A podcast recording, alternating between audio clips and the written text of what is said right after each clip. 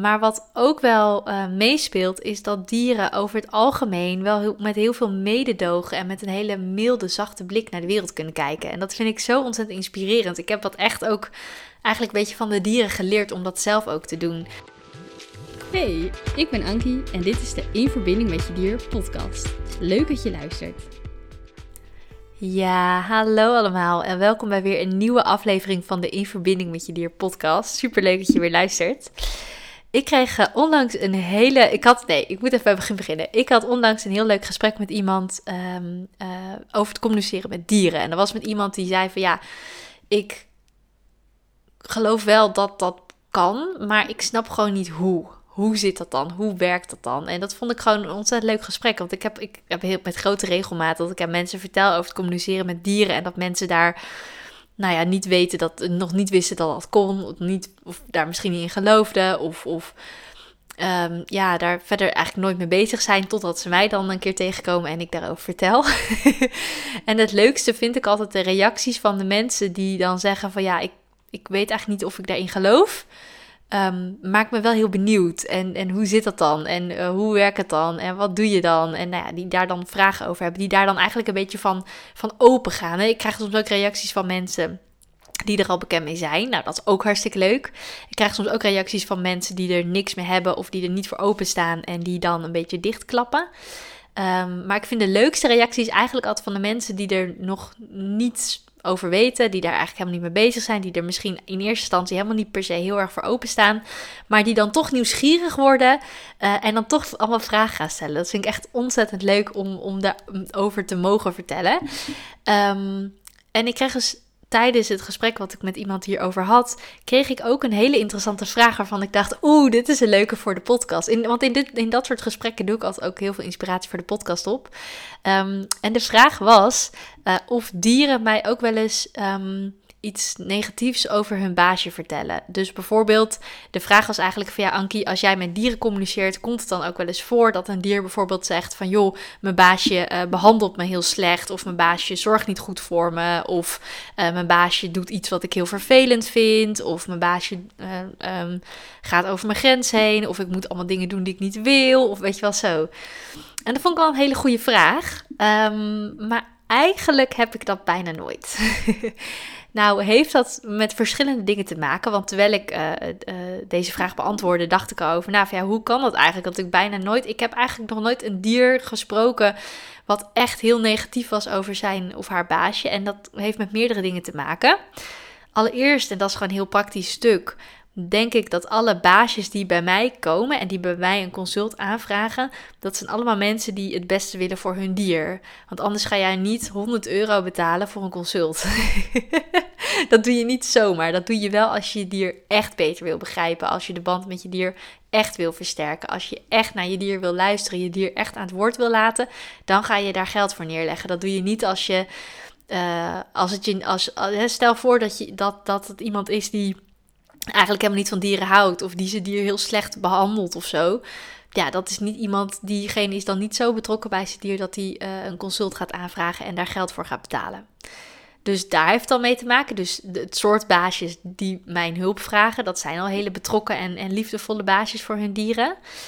Um, maar wat ook wel uh, meespeelt, is dat dieren over het algemeen wel met heel veel mededogen en met een hele milde, zachte blik naar de wereld kunnen kijken. En dat vind ik zo ontzettend inspirerend. Ik heb dat echt ook eigenlijk een beetje van de dieren geleerd om dat zelf ook te doen. Mijn dieren en ook dieren in het algemeen inspireren mij ook om met een zachte en milde blik naar de wereld omheen te kijken. Eigenlijk door ja, door vanuit liefde, zeg maar, je kan twee dingen doen in het leven. Je kan vanuit angst denken en vanuit angst kijken naar de wereld om je heen. Of je kan vanuit liefde denken en vanuit liefde naar de wereld kijken. En dieren doen dat echt, die zijn daar meesters in. En, en dat, als ik hun dat zie doen, dan inspireert mij dat ook om dat ook weer te doen, zeg maar. Um, dus wat het dus ook is, um, zelfs als wij als baasjes iets doen wat onze dieren niet altijd fijn vinden ja, soms dan moet je iets doen met je dier wat je dier echt niet leuk vindt, maar wat gewoon moet gebeuren. Um, en wat uiteindelijk ook voor de lange termijn ook beter is voor je dier.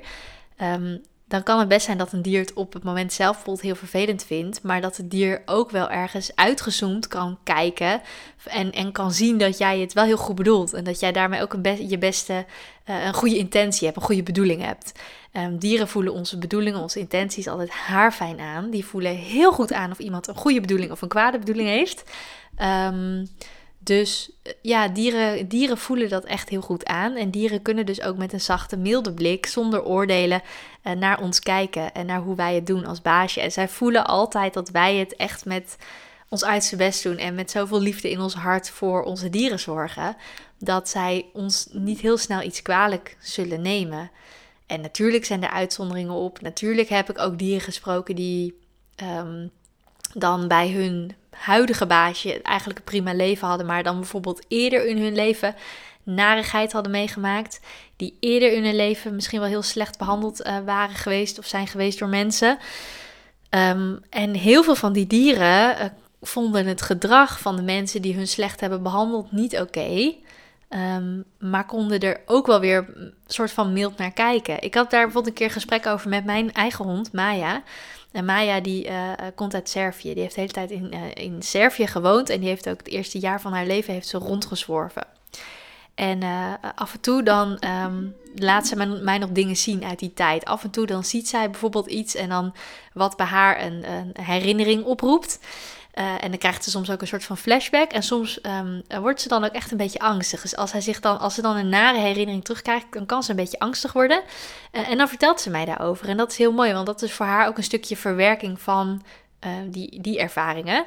Um, maar wat ze me bijvoorbeeld een keertje liet zien, was toen ik bij mij thuis, ik pakte een bezem. Ik, was, ik wou even wat dingen aanvegen in huis.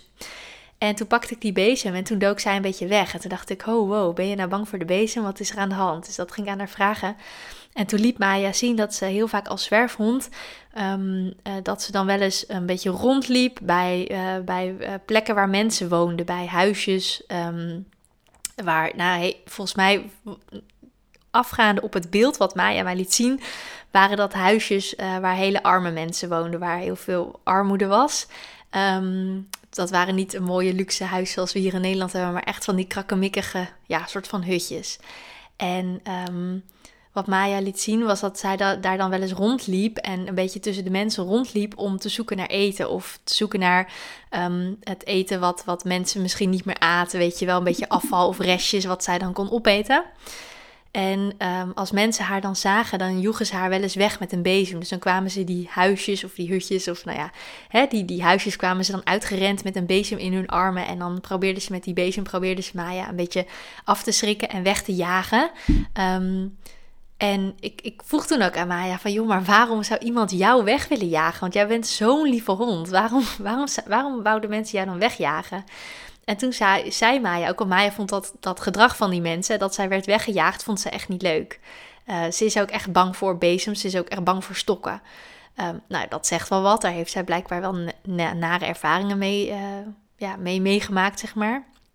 Um, maar Maya kon dus ook tegelijkertijd, dus enerzijds vond ze het gedrag van die mensen niet fijn, maar anderzijds tegelijkertijd kon ze er ook mild naar kijken. Want wat ze tegen mij zei, wat ze aan mij uitlegde, is dat ze zei van ja, die mensen, die hadden echte armoede. Die leefden echt in, in, in, in een tekort. Die hadden letterlijk een tekort aan eten. Er was schaarste. En zij zei, als je een tekort hebt aan, aan, aan eten, als er schaarste is, dan ga je je gewoon heel anders gedragen. En toen zei ze ook tegen mij, ja Ankie, daar kan jij je geen voorstelling bij maken.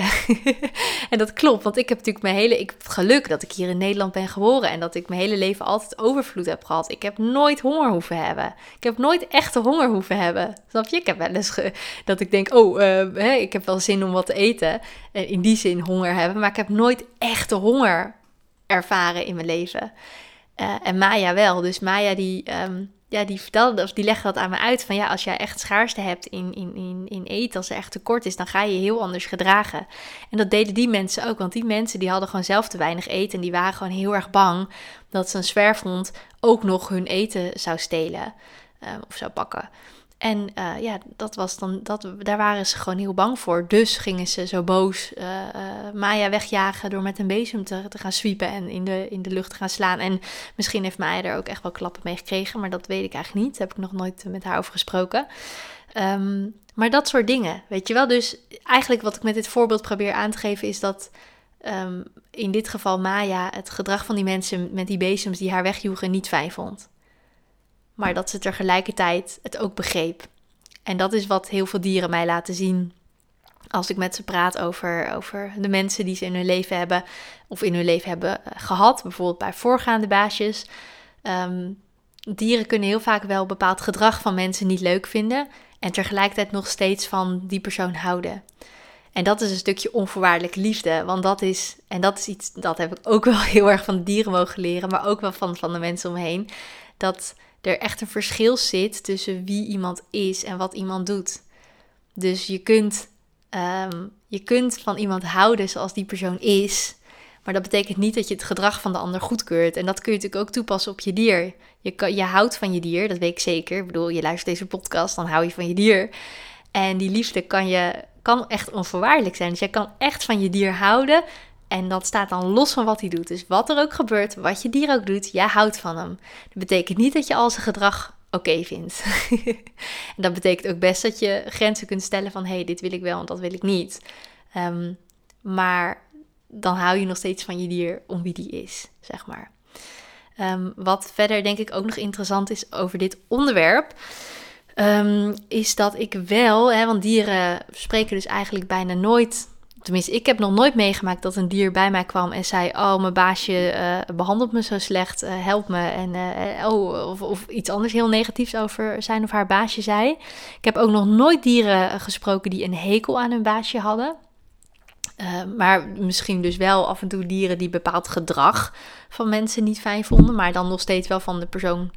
Of nog steeds van de persoon hielden zoals die persoon is, zeg maar. Wat ik net al uitlegde. Um, Oh, nou, wat wou ik hier nou over zeggen? Ik wou hier nog wat over zeggen, maar dan ben ik het weer vergeten. Even nadenken. Wat, wat wou ik hier nou over zeggen? Oh ja, ik weet het weer. Ik weet, met dit soort dingen, het komt altijd weer terug. Dus ik, uh, ik, ik, wist gewoon dat ik het weer, dat ik het me weer zou herinneren. Um, wat, um... oh Ank, als het in je hoofd komt, moet je het gelijk zeggen, want anders is het weg. Wat zou ik nou zeggen? Ja, ik weet weer. Dieren kunnen soms wel confronterende feedback geven. Zo, die is eruit. het is wel grappig. Soms dan krijg ik dan zo'n idee, maar dan is het ook binnen no time, binnen twee seconden is het weer weg. Dus ik moet gewoon gelijk aangeven. Dieren kunnen wel confronterende feedback geven. Dus wat er aan de hand is: een dier zal niet zo heel snel um, uh, iets negatiefs zeggen over zijn of haar baasje. Um, ik heb dat in ieder geval dus nog nooit meegemaakt, wat ik net al vertelde. Maar um, dieren kunnen soms wel feedback geven aan mij voor hun baasje. Wat voor het baasje soms een beetje confronterend kan zijn. Dus klein voorbeeld, ik had een keer, ik heb dit heel vaak gehad hoor, maar een van de keren dat ik dit had, was met een hond. Um, en die hond was heel erg, een hele sterke band met zijn baasje. En zijn baasje was heel vaak best wel gestrest door haar werk. En die hond, die voelde dan die stress en die werd ook gestrest. En dat uitte zich weer in, in allerlei gedrag. En um, wat die hond toen eigenlijk aangaf bij mij, en dat was ook de feedback voor baasje. Want dat baasje vroeg van ja, hoe kan ik mijn hond helpen om meer te kalmeren, minder stress te ervaren? Uh, hoe, hoe kan ik zijn leven nog fijner maken? En toen zei die hond van nou, als jij, hè, dit was dan voor zijn baasje, die zei dus eigenlijk tegen, via mij tegen zijn baasje, als jij nou even rustig gaat doen, dan kan ik ook rustig doen. En toen, toen was dat dus best een beetje confronterend voor, de, voor zijn baasje. Want die had zoiets van, ja, maar ik wil, ja, ik wil mijn hond helpen. Ik wil mijn hond kalmeren. Ik wil dat mijn hond zich goed voelt, dat hij zich gelukkig voelt. En hoezo moet ik dan kalmeren? Dus um, uh, toen, dat, dat, kon ik gelukkig wel heel, heel mooi uitleggen. Want die hond legde dat ook heel mooi uit. Die liet gewoon zien dat Um, uh, en dat geldt voor heel veel mensen en heel veel dieren. Dat je elkaar gewoon heel erg sterk kan beïnvloeden in de gemoedstoestand. Dus als ik me rustig voel, dan zijn mijn dieren vaak ook wel redelijk rustig. Als ik me gestrest voel, dan hebben mijn dieren vaak ook wat meer stress. Andersom ook. Als een van mijn dieren, bijvoorbeeld mijn kat, is best wel bang voor vuurwerk. Ja, met oud en nieuw is mijn kat hartstikke gestrest. Ja, dan voel ik dat ook. Weet je wel, dan voel ik me ook niet, ook veel minder uh, fijn. Dus ja, zeker als je een goede band, sterke band hebt met je dier ja, dan, ehm, dan werkt dat gewoon heel erg op elkaar in. Dan heb je gewoon heel veel invloed op elkaar. Ehm, en het kan dus wel eens zijn tijdens een consult dat een dier feedback geeft. Daar gewoon, dieren zijn altijd eerlijk. Dus een dier gewoon heel eerlijk zegt van ja, sorry, maar jij hebt dan vet veel stress. Hè, tegen zijn baasje, jij hebt dan vet veel stress. En daar heb ik dan ook last van. Dan voel ik me ook gestrest. Ja, dat kan. En dat kan soms voor sommige mensen is dat best confronterend. En dat snap ik ook.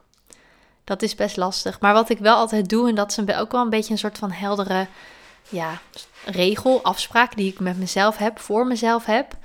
En dat is dat ik altijd alles wat een dier vertelt aan mij, dat ook echt allemaal doorgeef aan, uh, aan de eigenaar. Dus als een dier iets aan mij vertelt over zijn baasje, ook als dat dus een beetje confronterend kan zijn voor het baasje, dan vertel ik het wel. Want het dier vertelt het mij niet voor niks. Dus dan is het echt belangrijk. Dus dan geef ik het ook echt door. Ehm, dus ja, soms dan, uh, dan kan een dier wel confronterende feedback geven. Ehm, maar ik heb dus nog nooit om, om, om deze de vraag waarmee ik de podcast begon, om die ook weer, nou ja, om het cirkeltje weer rond te maken, om daar nog een samenvattend antwoord op te geven. Ik heb nog nooit gehad dat een dier iets negatiefs zei over zijn of haar baasje. Ik heb wel eens gehad eh, ik heb wel dieren gehad die bepaald gedrag van mensen niet zo leuk vonden. Maar heel vaak waren dat dan mensen die eerder in hun, leven waren geweest. Dus bijvoorbeeld eerder baasjes of zoals Ma, in Maya's geval mensen die ze gewoon eerder in haar verleden zeg maar is tegengekomen.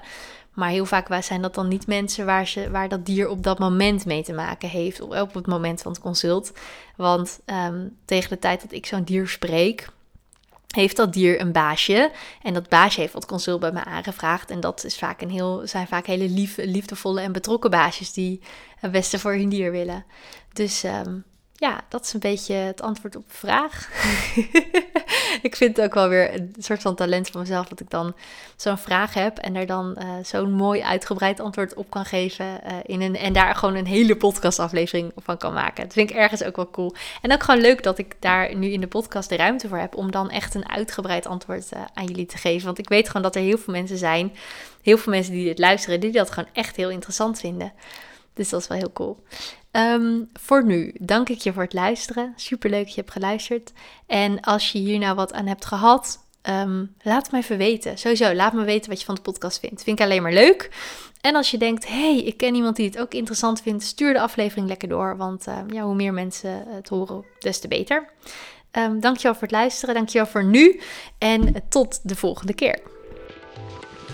Leuk dat je hebt geluisterd naar de In Verbinding met Je Dier podcast. Vond je nou interessant? Deel hem dan vooral met anderen en laat mij weten wat je ervan vond. Wil je nou meer inspiratie en tips ontvangen? Volg me dan ook op Instagram, dierencoachankie. Tot de volgende!